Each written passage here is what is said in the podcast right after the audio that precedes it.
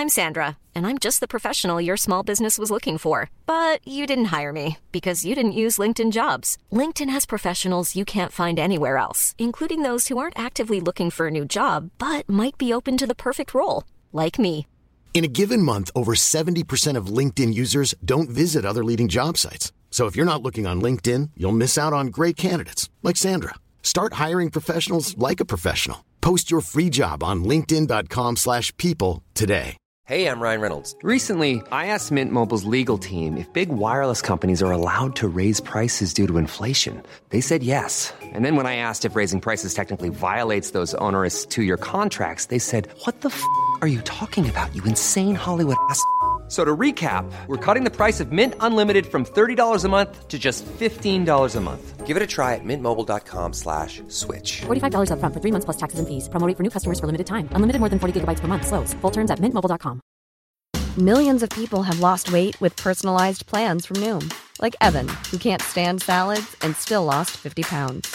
Salads, generally, for most people, are the easy button, right? For me, that wasn't an option. I never really was a salad guy. That's just not who I am. But Noom worked for me. Get your personalized plan today at Noom.com. Real Noom user compensated to provide their story. In four weeks, the typical Noom user can expect to lose one to two pounds per week. Individual results may vary.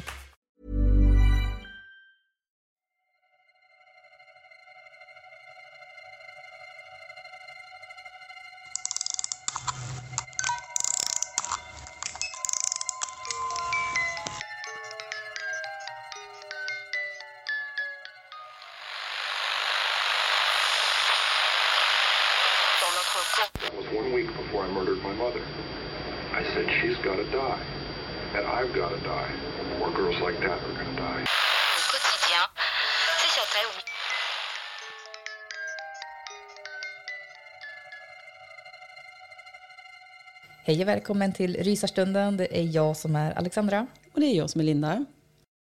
Idag sitter vi inte hemma hos mig och spelar in. Nej, det gör vi inte minsann. Nu sitter vi faktiskt vid High Coast Contents inspelningsstudio. Ja, det gör vi. Så spännande Ja, verkligen. och kul. Ja, nytt och spännande och ja, Känns lite proffsigt också. ja men det gör det. Mm. Innan vi går in på dagens ämne så tänkte vi ge er, ge er som, som har lyssnade på clownavsnittet, alltså avsnitt två i den här säsongen, en liten eh, update. I det avsnittet så pratar vi om en kvinna som heter Marlin Warren. Och hon blev ju skjuten till döds av en clown som kom med ett eh, blombud och ringde på dörren. Mm. Och den här clownen den, ja men, ringde på dörren, sköt Marlene och gick lugnt tillbaka till sin bil. 30 år efter mordet så greps ju en kvinna med namn Sheila Keen. Och den här rättegången, den skulle ha varit i år, den 21 oktober. Men den har blivit uppskjuten ännu en gång. Den har blivit uppskjuten ungefär sju gånger innan, så vi får helt enkelt försöka hänga med i det här fallet för att hålla er och oss uppdaterade vad som händer. För det kan ju vara spännande att veta. Ja men eller hur. Så det får vi verkligen göra. Men nu till dagens avsnitt. Mm. Och idag så kommer vi ju prata om ett alltså, fruktansvärt grymt och kallblodigt fall. Och vi ska prata om Susanne Capper. Och hon dog efter att ha utsatts för tortyr under en veckas tid. Av en grupp människor som hon trodde var hennes vänner och som hon faktiskt litade på. Och vi vill ge en stark varning inför det här avsnittet. eh, För det kommer nämnas hemska och grymma detaljer. Och är man känslig då bör man kanske hoppa över det här avsnittet. —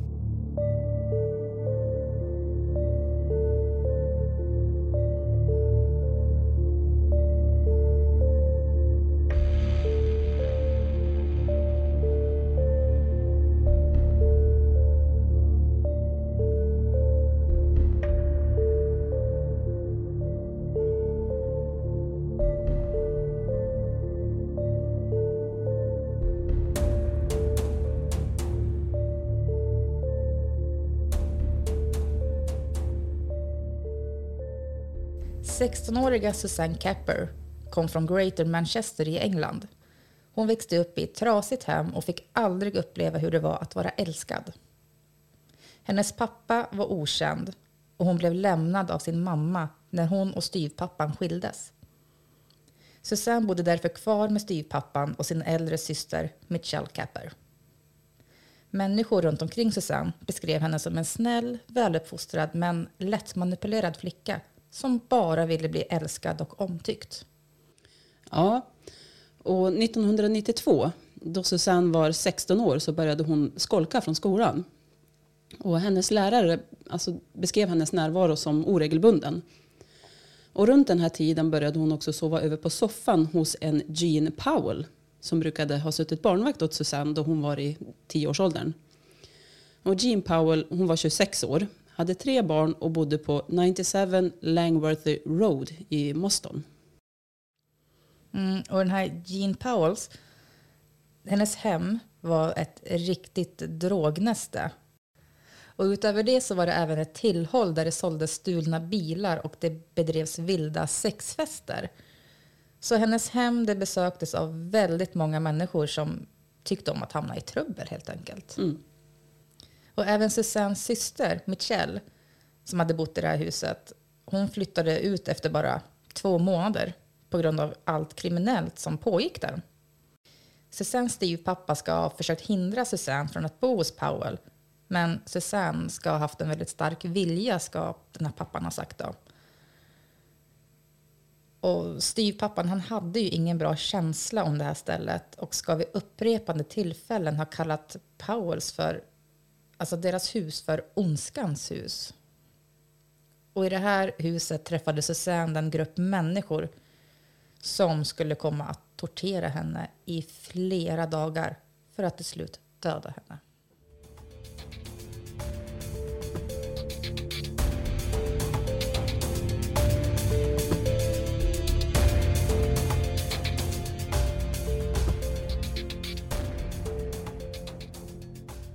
Jean Powell hade också en väninna som hette Bernadette McNeely. Och hon bodde bara tre hus ifrån den här Powell. Och även hon var ju drogmissbrukare och, och eh, hängde så ofta hon kunde, alltså hemma hos Powell. Så till slut bestämde de att den här McNeely och hennes tre barn skulle flytta in hos Powell.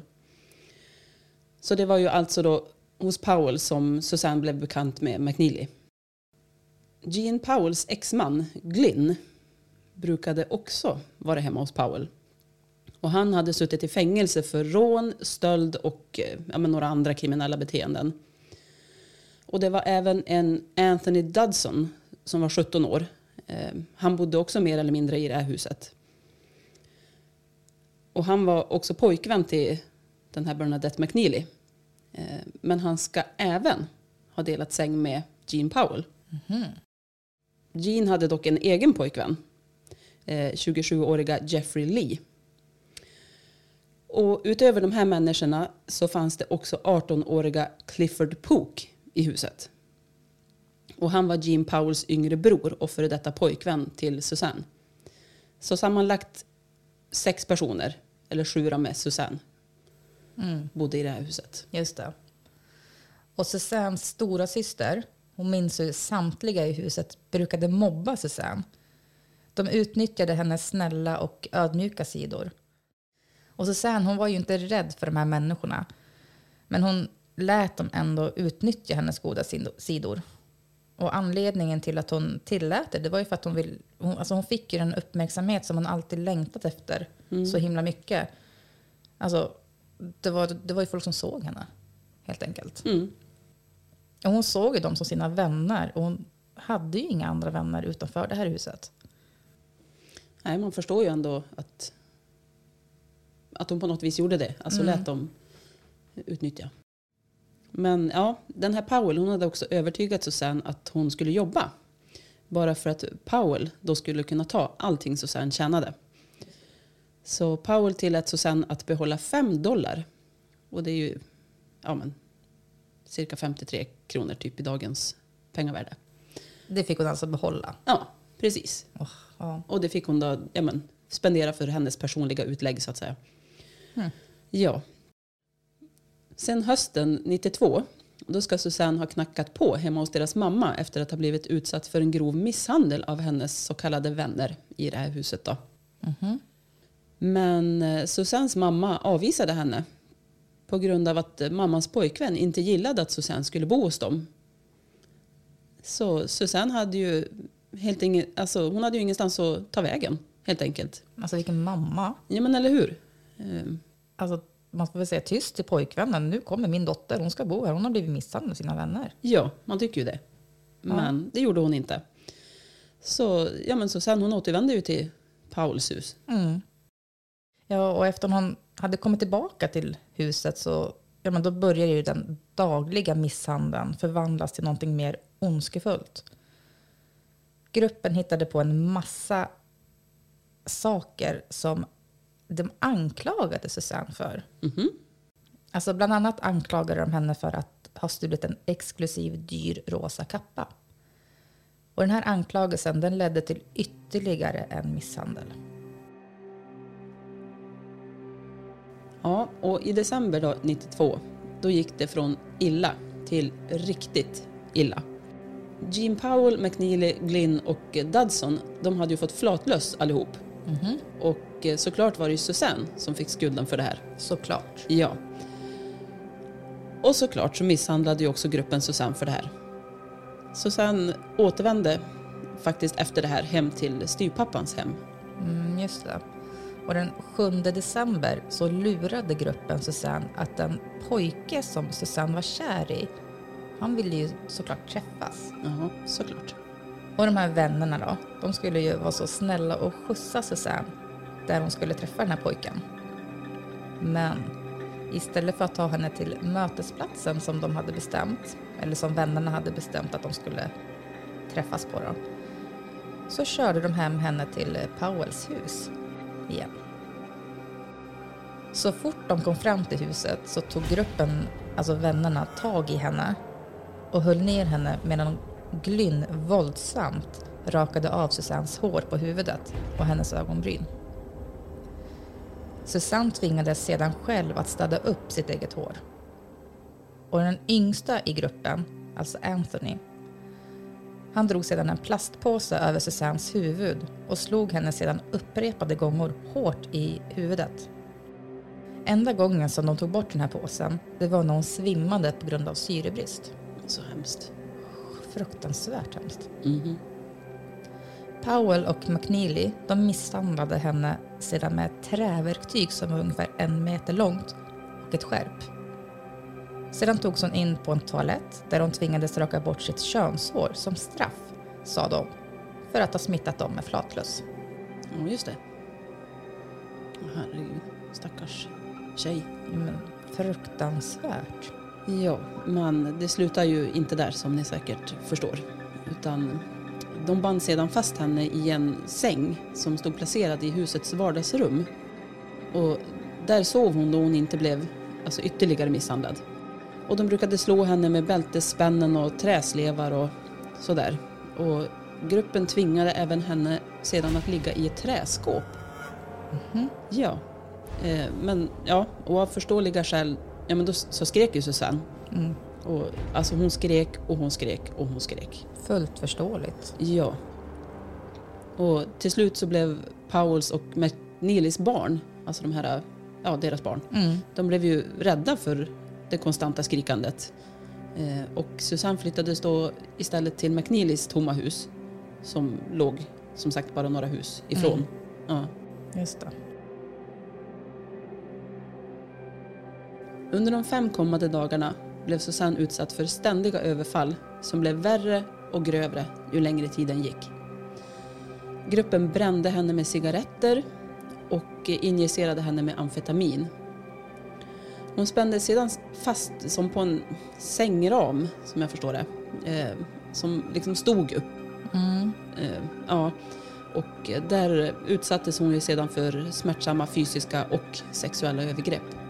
Alltså det blir sjukare och sjukare det hon utsätts för. Ja, det blir ju det. Hur kan man, alltså, hur kan man som grupp vänner som kallar sig för vänner utsätta någon för sånt, Ja, jag något sånt här? förstår inte.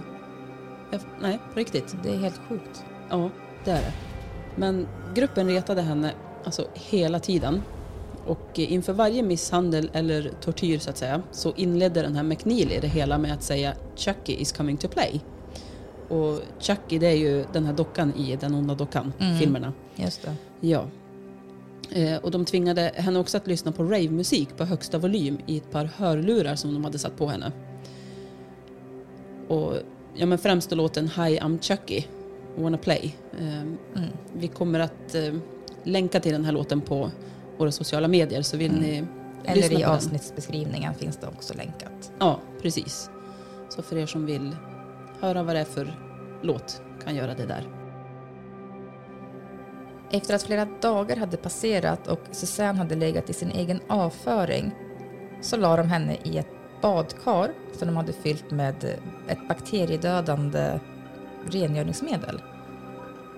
Och sedan tog de en styv borste och skrubbade hennes kropp tills hennes hud började gå sönder och ramla av. Fy fan, usch, aj.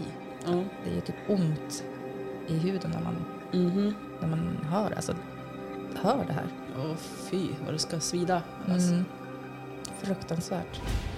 Puck tog sedan en tång och drog ut två av hennes tänder. Dadson ska ha berättat hur han stod i dörröppningen in till toaletten där Susanne låg i badkaret. Eh, Puck tog av hennes munkavel och sa åt Susanne att hon skulle öppna sin mun. Han sa till henne att han skulle dra ut hennes tänder och sedan började han slå på tänderna med tången. Därefter greppade han tag i en tand med tången och började dra, men den gled av. Då slog han henne några gånger till på tänderna och sedan greppade han tag i tanden igen och den här gången så drog han verkligen hårt.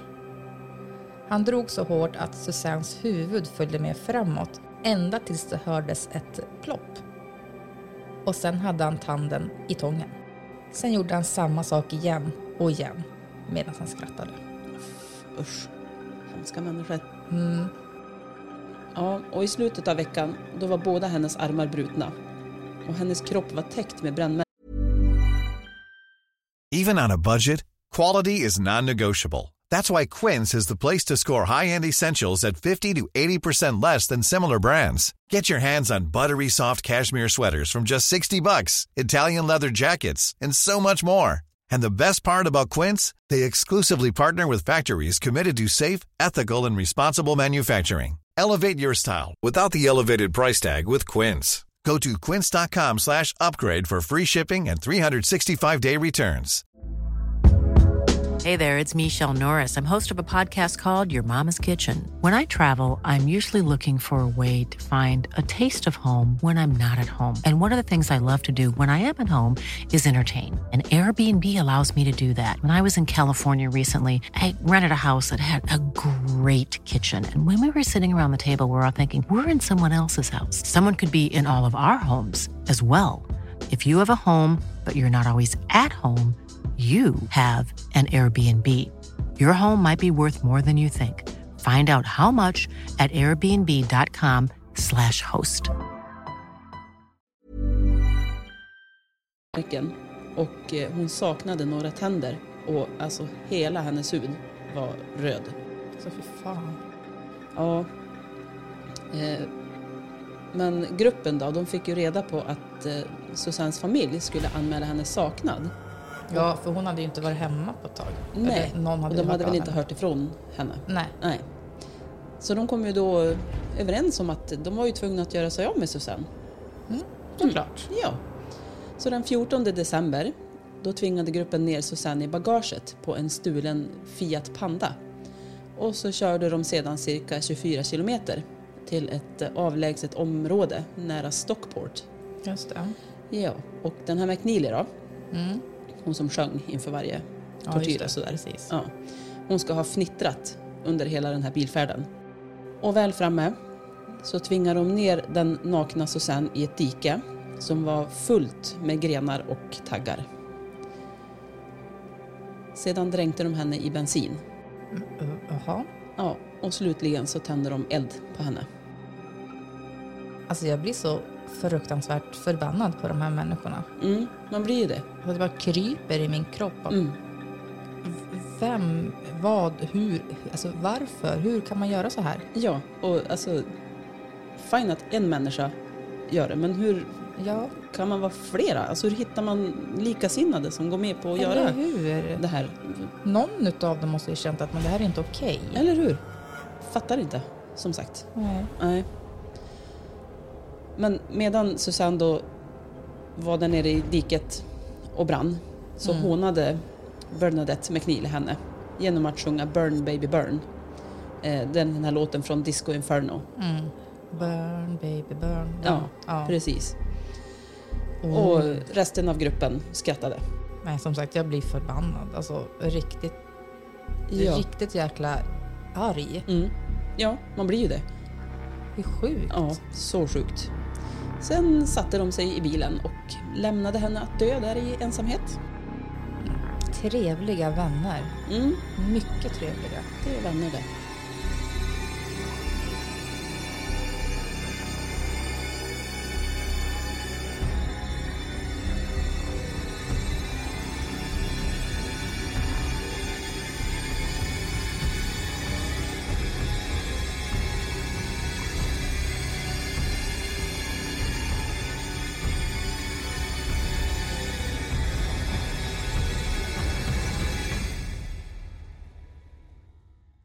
Ja, och efter att den här gruppen med de så kallade vännerna då, hade åkt så lyckades den mycket sargade och brända Susanne faktiskt ta sig upp ur diket och krypa ungefär 400 meter till vägen. Och ungefär vid tio över sex på morgonen så hittades hon av en Barry Sutcliffe och två kollegor till honom som var på väg till jobbet. Och när hon hittades så ska Susanne ha upprepande gånger mumlat där borta på fältet. De brände mig. De hällde bensin på mig. Men Susanne hade inte behövt förklara det. Barry kunde ju se på hennes skador vad som hade hänt. Han körde henne genast till ett, det närmsta hus som han kunde hitta. Och han väckte ju de som bodde där då. Och det var Michael Kopp och han, eh, hans fru Margaret Kopp. Och han bad dem ringa efter ambulans. Michael ska ha sagt att eh, båda hennes händer såg ut som aska. Hennes ben såg ut som rått kött och hennes fötter såg ut som förkolnade. Fy. Alltså, Att hon ens kom ut ur det di- diket känner jag. ja, att hon lyckas krypa ur ja. Ja, Mm. sjukt. Och hennes ansikte, det hade i stort sett inga ansiktsdrag kvar överhuvudtaget. Michael slogs av hur trevlig Susanne ändå var. Sjukt. Alltså, hur kan hon ens... Ja, alltså hon ska ha Prata. tackat hela tiden för hjälpen. Och det var ju frun där och som satt och försökte ta hand om henne. Och frun fick ju som en instinkt. Och jag förstår henne för att alltså, omhändertagande, man, man vill ju hjälpa och ta hand om. Så hon hade ju lagt armen om Susanne. Och då hade ju Susanne ryggat tillbaka. Troligtvis på grund av smärtan. Ja, det förstår man ju. Såklart. Mm. Susanne hade också druckit sex glas med vatten. Men hon kunde inte hålla i glaset själv på grund av hennes skador på händerna. Fy. Fy fan, än en gång. Ja, alltså, jag tror inte man kan säga det nog många gånger. Nej. Det är ett fruktansvärt fall. Mm. Ja, verkligen. Och ja, men när ambulansen kom så kördes hon ju i ilfart till sjukhuset. Och innan Susanne föll in i koma så hann hon faktiskt namnge de här sex så kallade vännerna. Och Fan, vad bra. adressen till Pauls hus. Ja, Ja, svinbra Susanne. verkligen. Alltså hennes kropp var bränd till 80 procent. Och så allvarliga att hennes mamma och styvpappa inte kunde identifiera henne. Så sjukt. Alltså, tänk att hela du, alltså det som utstrålar dig Mm. utseendemässigt, det är Det, borta. finns inte. Ja. Ja, fruktansvärt. Helt sjukt. Fruktansvärt. Eh, ja, hon kunde ju bara identifieras genom ett enda fingeravtryck som inte var bortbränt. Och det var en del av hennes tumme. En del. Mm. Och ja, men, som ni kanske förstår så vaknade ju Susanne aldrig upp ur koman igen. Och eh, fyra dagar senare, den 18 december, så dog hon på Withington Hospital. Halv åtta på morgonen den 14 december kom polisen till Powells hus. Och det möttes de av en total röra. Vardagsrummet det var belamrat med skräp. Och det var stulna bilsäten längs väggarna istället för soffor. De genomsökte Powells hem och i soporna kunde de hitta Susannes hår, blodiga tänder och tänger. Och polisen grep samtliga som befann sig på platsen. Powell och McNeely ska ha skrattat och skämtat med varandra när de blev arresterade. Och till en början så förnekade samtliga i gruppen att de var delaktiga i Susannes mord. Ända tills Anthony Dudsons pappa övertalade honom att berätta allt för polisen. Och efter att han hade gjort det så erkände samtliga personer i gruppen. Men alla skyllde såklart på varandra. Men den 23 december, fortfarande år 92, så åtalades de för Susannes mord. Rättegången varade i 22 dagar och utöver mord så anklagades Powell, McNeely, Glynn och Dudson också för kidnappning och vållande till svår kroppsskada. Och under rättegången så ska gruppen, ja, som du sa, ha skydd på varandra. Mm. Alltså som ett försök att minska skulden på sig själva. Mm. Ingen av dem tog heller på sig skulden för att ha tänt på Susanne. Nej, just det. Nej. Och enligt Jim Powell så sa hon att alltså hon satt kvar i bilen menade hon medan de andra då tände på. Mm. Ja, eller hur? Powell ska tydligen ha sagt att ja, men hon var stum, att hon var rädd när hon satt där i bilen. Och hon hävdade också att hon hade låst in Susanne i det här träskåpet som hon fick sova i. Alltså att det var för Susannes säkerhet och att hon älskade Susanne som en syster. Och sen la hon också till att hon inte klarar av våld. Alltså hon slår inte ens sina egna barn, menade hon. Eller hur? Ja. Och den här McNeely, hon sa att hon hade hållit i bensindunken men att det var Anthony som hade tagit alltså beslutet att tända på Susanne. Mm. Och som hade utfört liksom själva bränn, bränningen eller vad man säger. Just det. Hon menade också att eh, hon hade injicerat amfetamin i Susanne för att skydda henne Mhm. från att bli injicerad med heroin. Make sense? Mm, mm, nej. Nej. Och Anthony han sa ju att det var Glynn som hade tänt på Susanne. Så de skyllde ju som sagt på varandra. Mm, riktigt alltså, rundgång av, av sånt. Mm. Och när det blev dags för domaren Francis Potts att meddela domen så sa han att mordet är så fruktansvärt, alltså det är så fruktansvärt som bara går att föreställa sig. Ja, det kan man ju hålla med om. De vuxna i gruppen, Powell, McNeely och Glynn, de fick livstids fängelse med möjlighet till benådning efter 25 år. Dudson blev dömd till obestämd tid med möjlighet till benådning efter 18 år. Clifford Hayes och Jeffrey Lee fick båda 12 till 15 år. Och i januari 2012 kortades Jean Powells strafftid ner med två år för att hon hade visat ånger och hjälpt till att stoppa en rymning. Det köper jag ju inte riktigt att hon faktiskt skulle ha varit. Alltså ångerfull. Nej, Nej alltså spel för galleriet skulle jag Mm. vilja säga. Eller hur? Gör man sådana här saker, då tror inte jag att man ångrar sig. Nej, och varför ångrar man sig i sådana fall inte på en gång? Exakt. Alltså, och innan det hinner gå så jävla långt. Ja, men exakt. Alltså, det är väl lite det jag menar. Jag tror inte man ångrar sig efter några år och bara åh, Nej. gud vad fel jag gjorde. Mm. Nej, men det skulle inte ha gjort så från första början. Nej. Nej, det köper jag inte som sagt. Nej. Men ja, jag vet inte riktigt vad som är värst med det här fallet. Alltså sån fruktansvärd rädsla och smärta som Susanne måste ha upplevt. Mm. Alltså, det är så otroligt grymt. Mm. Alltså, det går ju knappt att föreställa sig Nej. smärtan hon måste ha upplevt. Nej, det gör ju inte det. Nej. Och dessutom så hade ju Susanne kanske inte behövt dö. För vid ett tillfälle så ska faktiskt en David Lee, eh, 18 år gammal, ha alltså vistats i huset av någon anledning. Vet inte riktigt varför. Men när han var där så hörde han att det var någon som skrek i ett annat rum. Mhm. Och ja, men han frågade ju då såklart vad det var som pågick. Och eh, då hade den här Li alltså visat Susanne där hon låg Jaha. alltså fastspänd. Och Hill kunde ju tydligt eh, alltså, se bevis för att hon hade blivit utsatt för tortyr. Nej.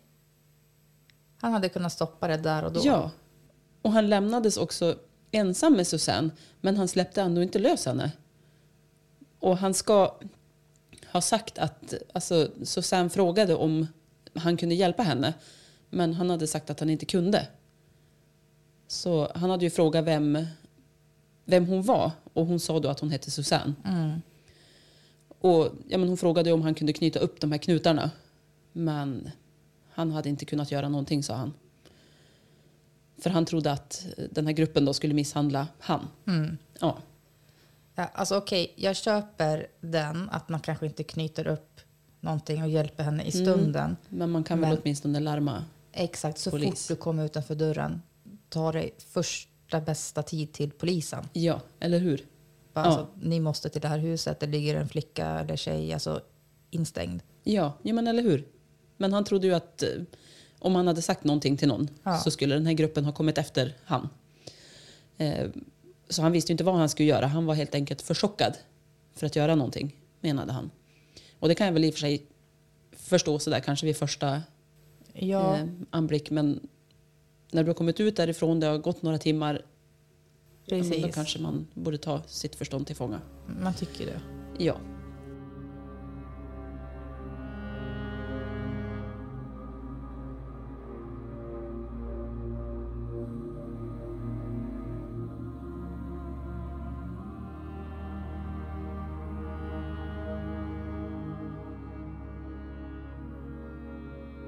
Och den här Lee och Dudson, de ska ju också ha hjälpt eh, Michelle, alltså Susannes stora syster, mm, hennes fästman, att reparera hans bil. Medan då Susanne låg fastspänd inne i det här huset. Och fästmannen hon hette Paul. Och hade han fått veta att Susanne var där inne så men, han hade ju typ slagit in dörren och gjort allt han kunde för att rädda henne. Mm. Men han, han kunde som inte ana att de här människorna var så kapabla till något sånt där barbariskt. Nej, vem, vem kan ana det? Alltså, det skulle Alltså- man väl aldrig kunna tro om någon. Nej, men utåt sett så verkar de som helt vanliga människor. Mm. Och så inne i det här huset så håller de på att misshandla och tortera en tjej till döds. Liksom. Ja. Och tänk att veta att du har varit där utanför medan hon låg där inne och Mm. hade kunnat stoppa det om du bara hade fått veta något. Ja, eller bara ynkat minsta lilla detalj om att det var någonting som Mm. försiggick. Ja. Det kan inte vara ju- så lätt att bära med sig. Nej, Alltså, nej, precis. Och han har ju sagt att jag önskar att jag bara fick tio minuter ensam med de här i ett rum. Ja, det förstår jag. Ja. Verkligen. Nej, som sagt, jag fattar inte hur man kan utsätta en annan människa för något sånt här. Är så mycket fruktansvärt. Men med det här så vill vi ändå säga tack till alla som har lyssnat på det här avsnittet. Ja, tack. Ett hemskt avsnitt, men ändå intressant. Att få lite inblick i hur människor faktiskt kan vara och fungera. Ja. Ja, men tack igen hörni. Nästa gång vi hörs den 22 december så kommer vi ha lite julmysrys. Jajamän, så lyssna då. Mm. Hej då! Hej då!